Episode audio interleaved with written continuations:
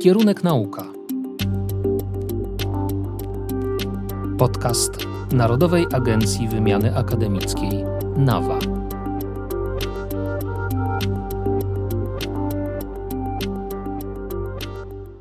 Powrót do kraju jest z reguły sporym wydarzeniem. Bywa punktem zwrotnym, przełomem, zmianą. Badacze wracają z ośrodków naukowych, do których trafili po zdobyciu stopnia doktora, by nabierać doświadczeń, uczestniczyć w międzynarodowych projektach, nawiązywać kontakty w swoich dziedzinach. Teraz kontynuują rozwój własnych karier w Polsce, często w placówkach, z których wyjechali w świat. W tym odcinku o programie Polskie Powroty opowiedzą dr Paweł Swaczyna z Centrum Badań Kosmicznych Polskiej Akademii Nauk. Nasze Słońce wytwarza coś, co nazywamy wiatrem słonecznym i ten wiatr słoneczny pełni bardzo ważną rolę dla naszego układu słonecznego, w tym dla nas na Ziemi. To znaczy wytwarza coś, co nazywamy heliosferą. Doktor habilitowany Radosław Poleski z Obserwatorium Astronomicznego Uniwersytetu Warszawskiego.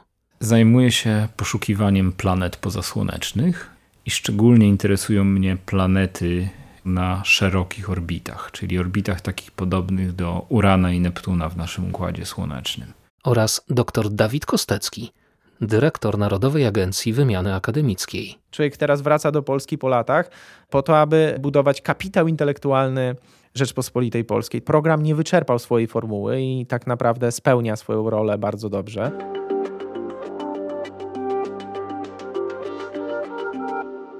Czym się pan zajmuje? Ja zajmuję się poszukiwaniem planet pozasłonecznych, czyli takich planet, które krążą wokół gwiazd innych niż Słońce. I szczególnie interesują mnie planety na szerokich orbitach, czyli orbitach takich podobnych do Urana i Neptuna w naszym układzie słonecznym. Ale właśnie tego typu planety krążące wokół innych gwiazd. I z tego miejsca, z Obserwatorium Astronomicznego Uniwersytetu Warszawskiego, widać takie ciała niebieskie? Nie widać. To znaczy, obserwatorium e, jest położone prawie w centrum Warszawy, tuż przy łazienkach królewskich. E, I z tego miejsca już od wielu lat nie prowadzimy żadnych naukowych obserwacji astronomicznych.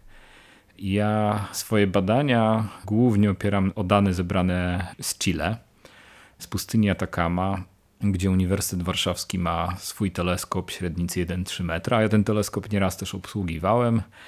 No i to jest główne źródło danych dla mnie. Są różne inne, ale to jest główne narzędzie badawcze. No właśnie, pan wiele czasu poświęcił na badania prowadzone na drugiej półkuli, w Stanach Zjednoczonych przede wszystkim. Tak, przez 7 lat pracowałem w Stanach na Ohio State University tam też nauczyłem się bardzo wielu rzeczy dotyczących tego, jak analizować dane dotyczące takiej metody badawczej. To się nazywa się mikrosoczewkowanie grawitacyjne. Jest to metoda, która pozwala nam obserwować obiekty, których nie widzimy bezpośrednio, znaczy badać może bardziej niż obserwować obiekty, których nie widzimy bezpośrednio, ale potrafimy powiedzieć coś o ich masach. Na czym to polega? Z ogólnej teorii względności Einsteina wynika, że każda masa zakrzywia przestrzeń wokół siebie.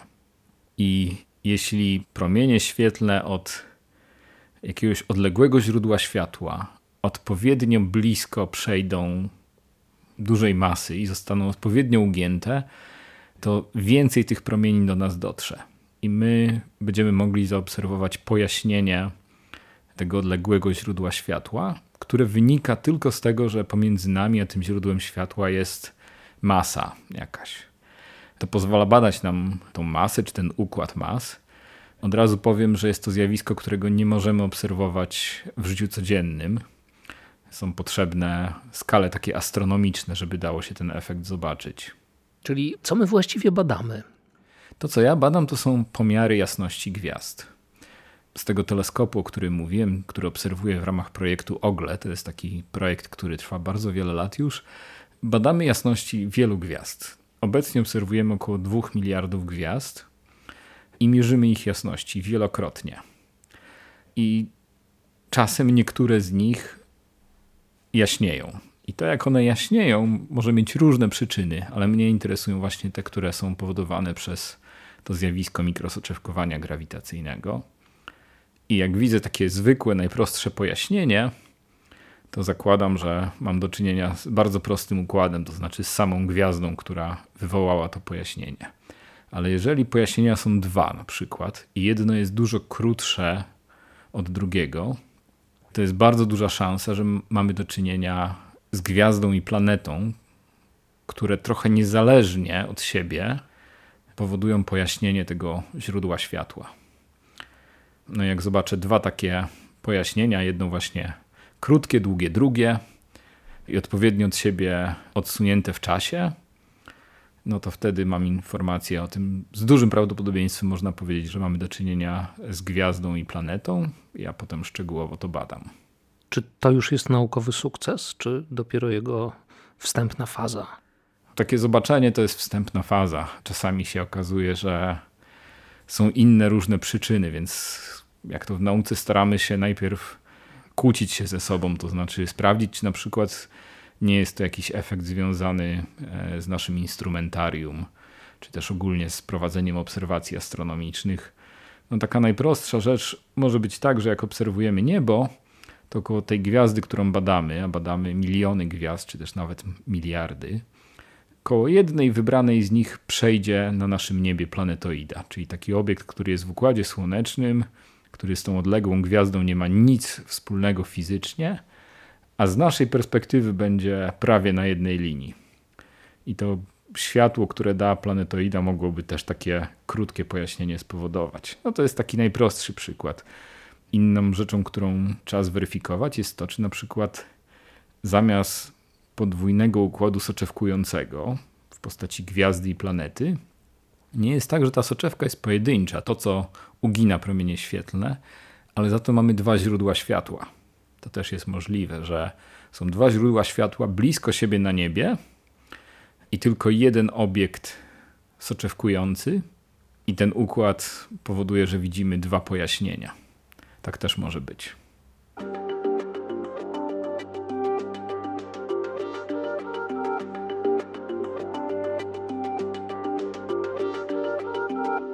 Dr Paweł Swaczyna z Centrum Badań Kosmicznych Polskiej Akademii Nauk prowadzi obserwacje heliosfery. Szczególnie interesuje go najbliższy ośrodek międzygwiazdowy. Polega to na tym, że nasze Słońce wytwarza coś, co nazywamy wiatrem słonecznym. I ten wiatr słoneczny pełni bardzo ważną rolę dla naszego układu słonecznego, w tym dla nas na Ziemi. To znaczy wytwarza coś, co nazywamy heliosferą, czyli krótko mówiąc, to, co jest w przestrzeni kosmicznej często ludzie myślą, że przestrzeń kosmiczna to jest taka idealna próżnia, więc nie jest ona taka zupełnie idealna, tylko mamy tam trochę różnego rodzaju cząstek i właśnie te, które są w pobliżu nas, pochodzą w głównej mierze ze Słońca, rozchodzą się i tworzą w ośrodku międzygwiazdowym, który też nie jest pusty, tworzą taką bańkę. I ta bańka jest e, bardzo istotna, bo tą bańkę właśnie nazywamy heliosferą, bo ona chroni nas przed promieniowaniem z galaktyki, kosmicznym galaktycznym. Prawdopodobnie ma wpływ zarówno na ewolucję, jak i też e, na e, zmiany klimatyczne, jeżeli mówimy prawda, o zawartości dwutlenku węgla, tylko w perspektywie takich bardzo wielu milionów lat otoczenie kosmiczne się zmieniało i ono prawdopodobnie również miało do pewnego stopnia wpływ na nasz klimat. I to dopiero poznajemy i dopiero zaczynamy się orientować w tym, jaki, jaki ten wpływ był. No i teraz to, czym ja się zajmuję, to z tego ośrodka międzygwiazdowego pochodzą pewne, coś co nazywamy międzygwiazdowymi atomami neutralnymi, czyli takimi atomami, które mogą się dość swobodnie poruszać. To znaczy, one nie wiedzą do końca o istnieniu tej heliosfery i dlatego mogą przeniknąć do środka heliosfery i mogą być zmierzone właśnie na przykład na satelicie, który znajduje się na orbicie wokół Ziemi. Jakie są hipotezy dotyczące roli heliosfery, roli tego ośrodka międzygwiazdowego? To znaczy, tutaj jest bardzo istotny element tego naszego otoczenia. To znaczy, my musimy zrozumieć, w czym się poruszamy. Trochę heliosfera nas od tego separuje dlatego są tak bardzo istotne te atomy neutralne, ponieważ one są nośnikiem informacji z tego ośrodka międzygwiazdowego, które pozwalają nam powiedzieć o tym, jak ten ośrodek międzygwiazdowy wygląda. Czy on jest jednorodny, czy on się jakoś y, będzie zmieniał, jak będziemy się, my się poruszamy względem niego. Więc czy będzie się on zmieniał w naszej historii? Wiemy, że on się zmieniał w naszej historii w jakiś sposób, chociaż to są no, w dużej mierze szczątkowe informacje, które posiadamy e, w tym względzie i chcemy po prostu przewidzieć, jak zmiana tego ośrodka, jeżeli, jeżeli on się zmienia, jak będzie wpływała właśnie na tą, na tą heliosferę, jak to będzie wpływało na przykład na poziom tego kosmicznego promieniowania, które po prostu wpływa na nas na Ziemi. Jak jesteśmy daleko jeszcze od tego momentu, w którym stwierdzimy autorytatywnie, jaki jest wpływ? To, czym ja się zajmuję i to, czego nie wiemy, no to nie wiemy właśnie, jaka, jaka jest struktura. Jeden z takich, e, powiedzmy, najnowszych naszych badań wskazuje na to, że ten ośrodek prawdopodobnie coś się w nim wydarzyło stosunkowo niedawno, albo przynajmniej myśmy się stali częścią takiego ośrodka, w którym się stosunkowo niedawno coś wydarzyło. To znaczy doszło prawdopodobnie według jakiejś tam takiej naszej wizji do zderzenia prawdopodobnie dwóch czegoś, co nazywamy obokami w ośrodku międzygwiazdowym, które po połączeniu się stworzyły jakiś taki ośrodek, który ma charakter pomiędzy dwoma różnymi ośrodkami.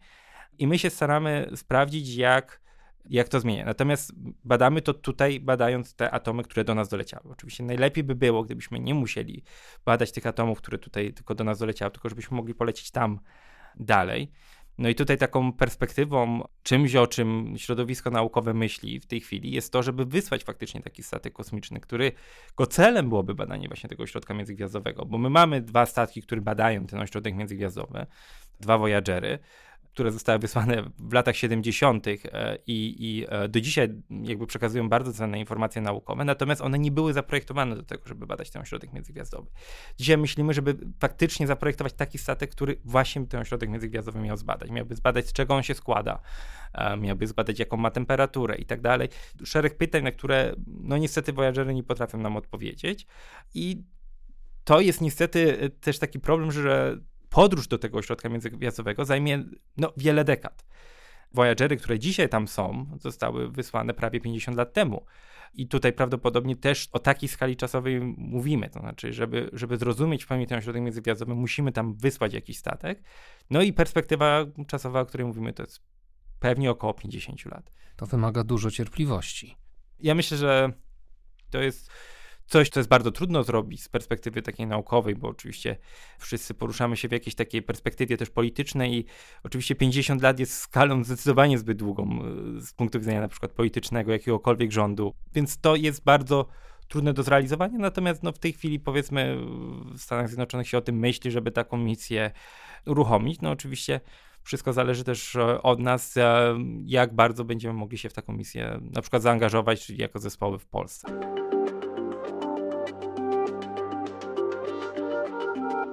Polskie Powroty to program, który ma pokazać, że polska nauka staje się dobrą marką, zaznacza dr Dawid Kostecki, dyrektor Narodowej Agencji Wymiany Akademickiej. Staramy się patrzeć przez pryzmat doskonałości naukowej, osiągnięcia tego Seal of Excellence, czyli pieczęci doskonałości. I dotychczas e, w sześciu edycjach polskich powrotów udało nam się ściągnąć e, do Polski 71 polskich naukowców. 20 z Wielkiej Brytanii, 18 ze Stanów Zjednoczonych, 9 z Niemiec, 4 ze Szwajcarii, 3 z Austrii i z pojedynczych innych krajów, nawet z Japonii. Uważamy to e, za dość znaczące osiągnięcie, przede wszystkim w procesie przeciwdziałania drenażowi mózgów, bo to jest zjawisko e, powszechnie znane, e, któremu też Polska musi stawiać czoła, bo, bo to zjawisko brain drain i to, że najlepsi starają się zabrać świetnych polskich naukowców, no jest faktem.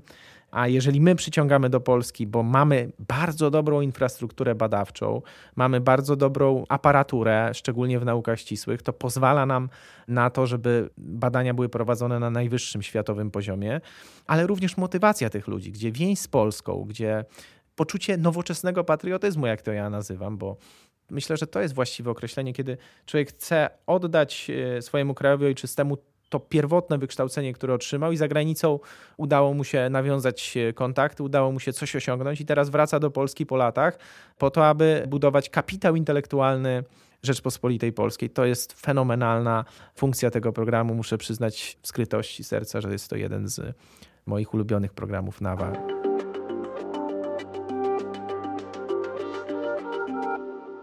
Mówimy o kosmosie, o przestrzeni, która w zasadzie jest z punktu widzenia życia na Ziemi, nawet w największym mieście ziemskim, niepoliczalna, niepercypowalna.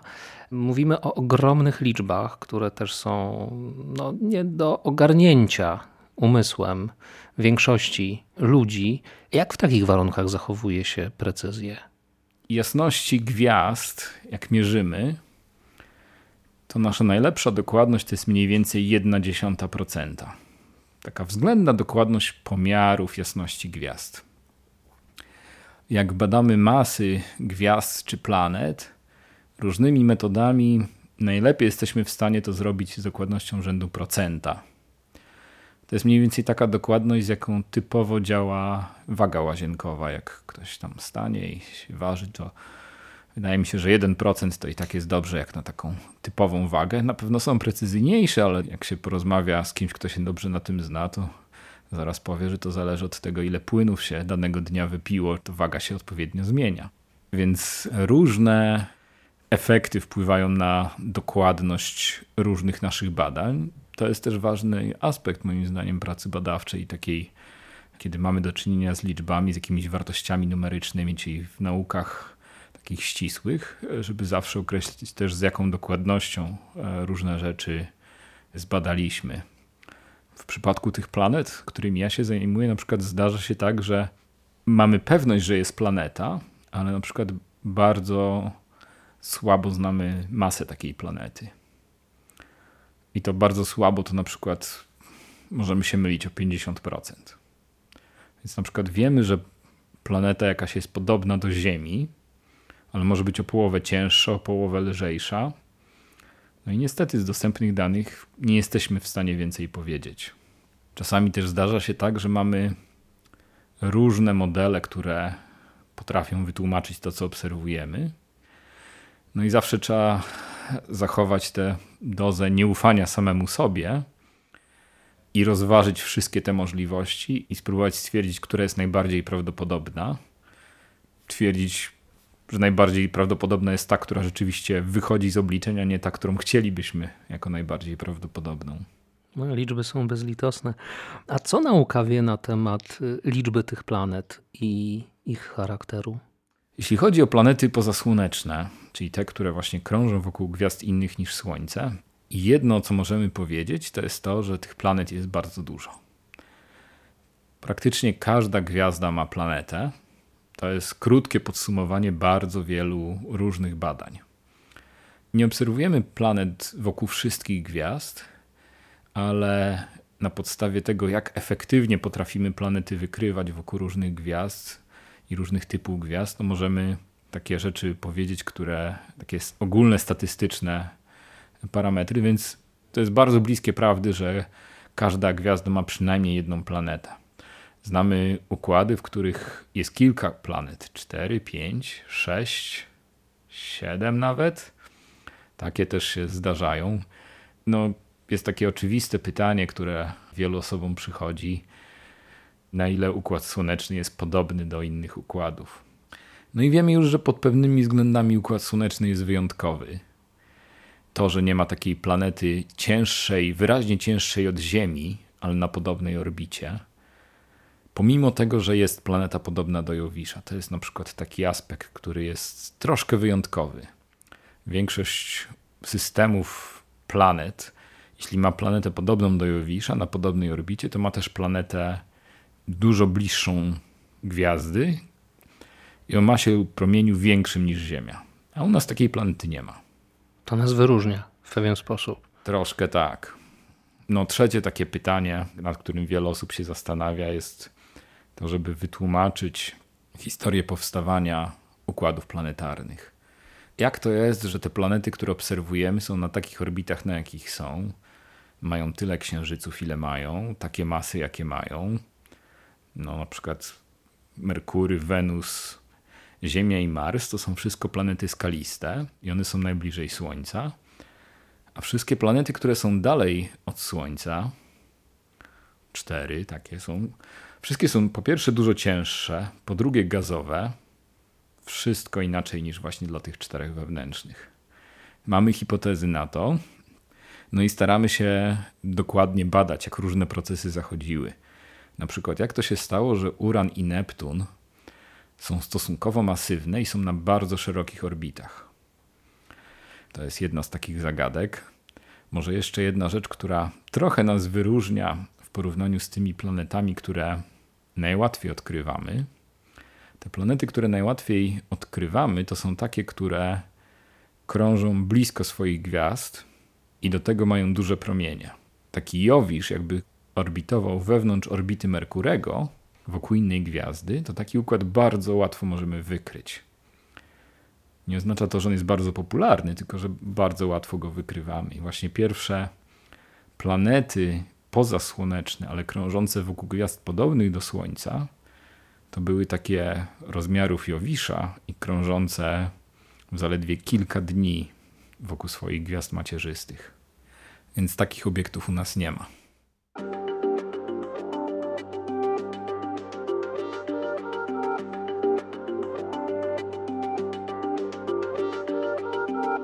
Dr Paweł Swaczyna wrócił do Warszawy, do Centrum Badań Kosmicznych Polskiej Akademii Nauk, instytucji, z której wyjechał na kilka lat do Stanów Zjednoczonych. Ja pracowałem przez 5 lat e, na Princeton University i oczywiście prowadzenie badań naukowych i zespół naukowy tam wyglądał do pewnego stopnia inaczej. To znaczy, był to zespół składający się w głównej mierze z młodych naukowców, to znaczy w Stanach Zjednoczonych czy to dobrze, czy niedobrze, to jest osobna dyskusja. Zespoły naukowe bardzo często składają się z bardzo wielu tak zwanych postdoków, czyli ludzi, którzy skończyli studia doktoranckie czy szkołę doktorską, są doktorami i nie mają jeszcze stałej pozycji, pracują w różnych projektach. I w Polsce wygląda to troszeczkę inaczej, to znaczy mamy jednak więcej naukowców takich, którzy pracują na stałe w danych ośrodkach, czyli są zatrudnieni od wielu lat, niekoniecznie mają projekty naukowe często prowadzą jakieś takie samodzielne badania, bez właśnie tego pomyślenia, jakby jak tutaj zaprojektować swoje badania naukowe, tylko jest to wieloletnie działanie, które niekoniecznie się kończy powodzeniem. I z tego później wynika no, pewna różnica między powiedzmy Polską a, a Stanami, to znaczy polegająca na tym, że coś, co no może dość brzydko się nazywa wydajnością naukową, czyli tą ile, że tak powiem, no mówimy często artykułów naukowych powstaje, to wygląda to w Polsce dużo słabiej niż w Stanach Zjednoczonych, ponieważ tam jest w dużej mierze istotne to, żeby tych artykułów było dużo, żeby to, co robię, żeby ono miało jakieś przełożenie na faktycznie artykuł naukowy. To, że sobie coś wymyśliłem jest to tylko w mojej głowie, no to to nie, nie pozwala na rozwój naukowy. Żeby to miało wpływ na innych naukowców, żeby to miało wpływ na całe środowisko naukowe, no to muszę to opublikować w postaci jakiegoś artykułu. musi tam... funkcjonować w obiegu naukowym, tak. w dyskusji. Tak. Jak bardzo różniły się Pana obserwacje, prowadzenie tych obserwacji w Ohio i, i tutaj w Warszawie? Czy narzędzia są podobne, tylko lokalizacja tego centrum sterowania po prostu jest inna? Głównie tak. Nie odczułem spadku jakości narzędzi, do których mam, mam dostęp. Akurat w badaniach tego typu, które ja prowadzę, to tutaj warszawski zespół astronomów ma długą historię bardzo udanej pracy, bardzo wiele odkryć i bardzo dobrej jakości dane są zbierane. No akurat to jedno konkretne miejsce w Chile też tutaj pomaga. To, gdzie jest nasz teleskop, to jest obserwatorium Las Campanas. Miejsce prawie idealne dla astronomów. Sucho, wysoko, dużo pogodnych nocy. Jak mówię dużo, to tak mówię około 300 rocznie. Mało cywilizacji dookoła, to też właśnie z centrum Warszawy nie obserwujemy od wielu lat e, gwiazd. I to nie przez to, że jakoś nam budynek nie pasuje, tylko problemem jest to, że jest otoczony przez całą masę innych budynków, które są mocno oświetlone, latarni, reklam i tak dalej no i stąd widać dużo mniej gwiazd. Jak byłem w Stanach na uniwersytecie, to tam też nie prowadziłem obserwacji na miejscu. Tam analizowane dane pochodziły z teleskopów no, na całym świecie, a czasami w kosmosie. Proszę coś więcej opowiedzieć o tym czasie spędzonym na Ohio State University. Po skończeniu doktoratu to jest takim standardem, przynajmniej w astronomii, w innych naukach też, choć nie wiem, jak bardzo to jest rozpowszechnione, że Właśnie trzeba gdzieś wyjechać najlepiej z kraju, po to, żeby poznać innych naukowców, inne metody badawcze, inne narzędzia trochę. Ja akurat właśnie aplikowałem tam do Ohio State. No w dzisiejszych czasach to jest tak, że na każde takie stanowisko jest konkurs, e, różni ludzie się zgłaszają, komisja potem wybiera. Ja akurat miałem na tyle szczęścia, że w pierwszym takim konkursie już zdobyłem e, właśnie pozycję, już nie szukałem w kolejnych miejscach. No, zdarza się, że niektórzy rzeczywiście w wiele miejsc aplikują. To też może taka informacja, że naukowcy to są w dzisiejszych czasach raczej przyzwyczajeni do porażek. Większość wniosków grantowych w astronomii, wniosków o dostęp do czasu obserwacyjnego na teleskopach naziemnych albo kosmicznych, większość z nich jest odrzucana, więc każdy zdobyty grant, każdy zdobyty czas na teleskopie, czy właśnie stanowisko, no to jest, jest pewnego rodzaju sukces. To jest znalezienie się w tych 10, 20, czasami 25% najlepiej ocenionych wniosków i to też naukowcy sami siebie oceniają. Jedni naukowcy drugich, nie, nie że ktoś siebie ocenia. Miałem tam przyjemność pracy pod opieką dwóch różnych szefów. Obaj e, bardzo dużo badań wcześniej prowadzili związanych z mikrosoczewkowaniem, także z innymi badaniami dotyczącymi planet pozasłonecznych. Jedna rzecz, która może była taka niecodzienna na tym wydziale, na którym ja byłem, i to też wielu gości to mówiło, tam jest codziennie rano kawa, przy której dyskutowane są najnowsze odkrycia astronomiczne. To spotkanie trwa tak troszkę ponad pół godziny, ale jest naprawdę intensywne. Ja całkiem niedawno byłem w tym, na tym samym uniwersytecie, na tym samym wydziale i też chciałem na tą kawę jeszcze raz przyjść.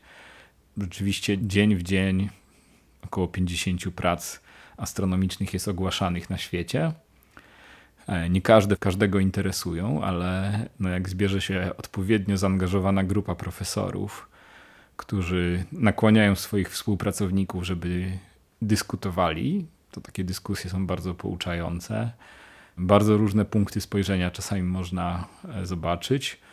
Można usłyszeć pytania, których się nie spodziewamy od osób, które nie zajmują się daną tematyką.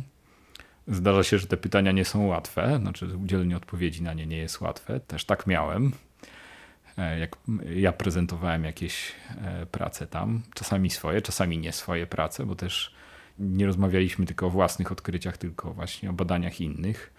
Zdarzyło się, że w trakcie dyskusji znaleźliśmy błąd w pracy, która ukazała się w czasopiśmie Nature, czyli tym jednym z najwyżej ocenianych na, na świecie. Także takie rzeczy też się zdarzają. To też piękna ilustracja tego, co chyba wiemy powszechnie, że nauka polega przede wszystkim na konfrontowaniu swoich hipotez, wyobrażeń z innymi hipotezami i wyobrażeniami, ale przede wszystkim z twardymi danymi, z faktami, które jesteśmy w stanie udowodnić. Rozumiem, że to jest to, co najpiękniejszego Pan przywiózł z tego doświadczenia do Polski. Przywiozłem dużo doświadczeń, na pewno takich konkretnych, jak sobie radzić w różnych takich problemach badawczych. Przez 7 lat miałem też trochę urlopów, więc udało mi się pozwiedzać i też wiele różnych wspomnień związanych właśnie ze zwiedzaniem Stanów. Miałem też tę przyjemność, że było całkowite zaćmienie słońca w Stanach, które właśnie obserwowałem. Wspaniałe zjawisko, jak tylko ktoś może, to polecam. To jest piękne zjawisko e, dla większości astronomów w dzisiejszych czasach zupełnie niezwiązane z nauką, tylko dla wybranych, dla tych, którzy badają Słońce lub tą przestrzeń najbliżej Słońca. Może jeszcze ktoś, kto bada Księżyc, też się tym zajmuje, ale tak poza tym to jest po prostu piękne zjawisko, kiedy nagle w środku dnia robi się, może nie nagle, robi się ciemno. Przyroda na to reaguje. No ja pamiętam, że właśnie w takim miejscu, gdzie było dość ciepło. Dzień wcześniej 30 stopni, następnego dnia też 30 stopni. E, no, w czasie całkowitego zaćmienia to tam nie wiem, było może z 12 stopni Celsjusza i do tego o jakiejś 11.30 nagle przylatuje nietoperz, bo jest tak ciemno, że nietoperz stwierdził, że można już sobie polatać. W środku dnia przy bezchmurnym niebie, no to raczej rzadkość zobaczyć nietoperza e, lecącego tak w otwartej przestrzeni, a nie gdzieś w jaskini. Więc to jest naprawdę wspaniałe zjawisko. Trwa krótko niestety, to jest jego największą wadą. Żadnych pomiarów nie robiłem, trochę zdjęć, no i głównie patrzyłem. Miałem też okazję drugie takie zjawisko oglądać w Chile, zresztą tam e, blisko tego obserwatorium, gdzie, gdzie obserwujemy. Może też jeszcze nawiążę do tego mikrosoczewkowania, o którym mówiłem na początku. W 1909 roku, jeśli mnie pamięć nie myli, zaćmienie Słońca zostało właśnie wykorzystane do udowodnienia ogólnej teorii względności Einsteina. Więc przewidywanie było takie, że jak będziemy obserwować gwiazdy w trakcie całkowitego zaćmienia Słońca, w pobliżu Słońca na niebie, to ich pozycje, pozycje tych gwiazd będą troszkę przesunięte względem tego, co powinno być, kiedy nie ma Słońca w tej części nieba. Więc wystarczyło zrobić dwa zdjęcia nieba teoretycznie. Jedno w trakcie zaćmienia, drugie wtedy, kiedy Słońce się przesunie w inną część nieba. A zaćmienie jest tutaj potrzebne po to, żeby te gwiazdy móc dostrzec. Tak, jak mamy atmosferę, to atmosfera tak rozprasza, że załóżmy stopień od Słońca, no nie jesteśmy w stanie dostrzec żadnej gwiazdy. I to były obserwacje Artura Eddingtona, które pozwoliły właśnie zmierzyć to przesunięcie, które było zgodnie z tym, co Einstein przewidział. I to był tak naprawdę pierwszy taki dowód na prawdziwość teorii względności.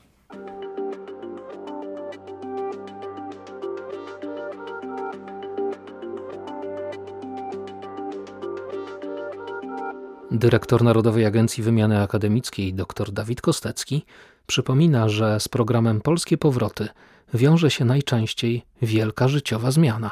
To jest poważna decyzja o zmianie ośrodka interesów życiowych, o przeprowadzce z zagranicy do Polski, ale też gwarantujemy osobie zapraszającej 14 tysięcy złotych, więc motywujemy naszych naukowców do tego, żeby ściągnęli takiego powrotowca. Dajemy 20 tysięcy na koszty przesiedlenia, gwarantowany w zależności od tego, czy to jest przedstawiciel nauk podstawowych. Wówczas mamy komponent badawczy z Narodowym Centrum Nauki i ten komponent pozwala dodatkowo na pierwsze 18 miesięcy na tak zwany rozruch prowadzić badania w zespole badawczym przez powrotowca i to jest kwota do 200 tysięcy złotych. W przypadku nauk aplikacyjnych ta kwota wynosi maksymalnie do 400 tysięcy złotych i jest finansowana przez Narodowe Centrum Badań i Rozwoju to zatrudnienie w zależności od przyjętej ścieżki, bo są młodzi naukowcy, młodzi badacze do 7 lat po uzyskaniu stopnia naukowego doktora, to jest ścieżka junior i ścieżka experienced, która jest dla pozostałych badaczy, też gwarantuje odpowiednio możliwie wyższą formę wynagrodzenia miesięcznego i stałego zatrudnienia przez 3 do 4 lat. Te liczby brzmią poważnie, to poważna inwestycja. Co ma być długofalowym skutkiem tego programu?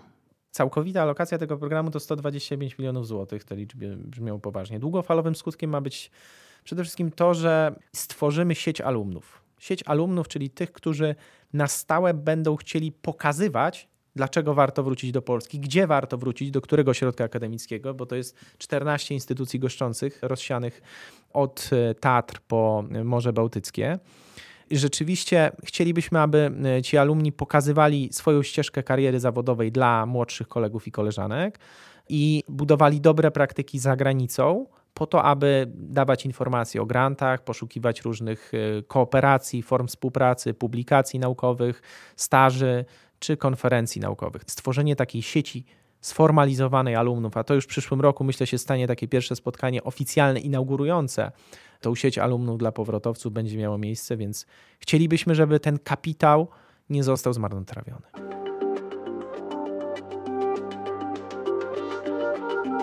A czy dużej cierpliwości wymagało złożenie wniosku do programu Polskie Powroty? Jak w tym przypadku wyglądały kwestie organizacyjne, administracyjne? Przygotowanie wniosku do polskich powrotów nie jest bardzo trudne. To znaczy, ja myślę, że Narodowa Agencja Wymiany Akademickiej stosunkowo dobrze przemyślała ten program. To znaczy, jest to na pewno program, w którym kluczem jest zawartość naukowa. No i oczywiście to jest dobre, żeby taki projekt naukowy sobie od czasu do czasu napisać, czy to w polskich powrotach, czy w innych projektach naukowych, żeby uporządkować sobie, co się ma zamiar zrobić. I myślę, że pod tym względem ten program dość dobrze funkcjonuje. Kiedy wróciłeś do Polski? No, wróciłem do Polski w maju tego roku, więc już będzie pół roku. Myślę, że to pierwsze pół roku to jest taki czas na wdrożenie się i powrót do trochę starych zwyczajów. To znaczy, ja wróciłem do instytucji, z której pochodzę, to znaczy skończyłem e, studia doktoranckie w Centrum Badań Kosmicznych, no i wróciłem po prostu po pięciu latach do tej samej instytucji, no ale jednak te zasady życia są inne, więc wymaga to pewnego przyzwyczajenia się z powrotem i myślę, że te pierwsze pół roku głównie polegają na tym, żeby z powrotem przyzwyczaić się do swojego miejsca. To są tak dwie różne rzeczywistości, ta, z której przyjechałeś i ta, do której wracasz? Myślę, że tak. To znaczy, na pewno ta polska rzeczywistość wymaga od naukowca większego zaangażowania się w życie takie organizacyjne instytucji. To znaczy, nie jest to e, wszystko przygotowane, zrobione, że jakby przychodzi się i się prowadzi naukę, tylko niestety trzeba się zaangażować w przygotowanie się do tego robienia tej nauki.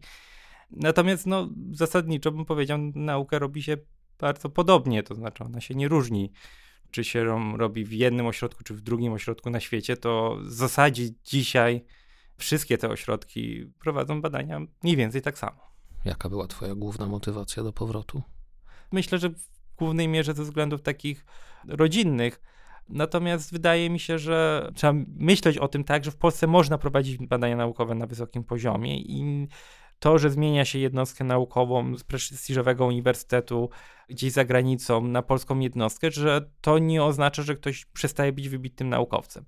Tak niestety są postrzegane polskie jednostki i tak są czasami postrzegani polscy naukowcy. Myślę, że trzeba z tym trochę walczyć i to nie jest tylko nasz nasz problem naszej jednostki, ale myślę, że wielu jednostek w Polsce, że wielu naukowców, nie tylko w Polsce, myśli, że jeżeli badanie jest prowadzone prawda, w prestiżowym amerykańskim uniwersytecie, to ono jest dużo bardziej warte niż, niż w Polsce. To słynne powiedzenie z wszystkich newsów, że amerykańscy naukowcy coś odkryli, które po prostu dodaje bonus, prawda, do tego, żeby ta wiadomość się przebiła. Natomiast no, wydaje mi się, że ważne jest, żebyśmy też mieli poczucie własnej wartości i prowadzenia tych badań w Polsce, żeby ten obraz jednak zmieniać. To jest y, program, który poleciłbyś y, innym? Myślę, że tak. Znaczy, myślę, że to jest na pewno bardzo unikatowy program, który pozwala wrócić tutaj naukowcom, którzy pracowali gdzieś za granicą i którzy mają to doświadczenie z zagranicy, pozwala im wrócić do Polski i zacząć tworzyć własny zespół. Tak? Ja jestem właśnie na tym etapie tworzenia własnego zespołu. Szukam zarówno ludzi do mojego zespołu, staram się właśnie zorganizować, stąd też mówię, że te pierwsze pół roku jest mocno organizacyjne ale jest to coś, co pomaga się usamodzielnić niezależnie od tego, jakby jak wygląda też e, sytuacja lokalnie e, w danej jednostce, bo z drugiej strony oczywiście beneficjentem tego programu są jednostki naukowe i dla nich oczywiście korzyść jest e, taka, że mogą zatrudnić tego naukowca, no nie przewidując pieniędzy w zasadzie dla niego w budżecie, to znaczy nie muszą wykładać na to własnych pieniędzy. Stąd też myślę, że jednostkom oczywiście na tym w dużej mierze zależy.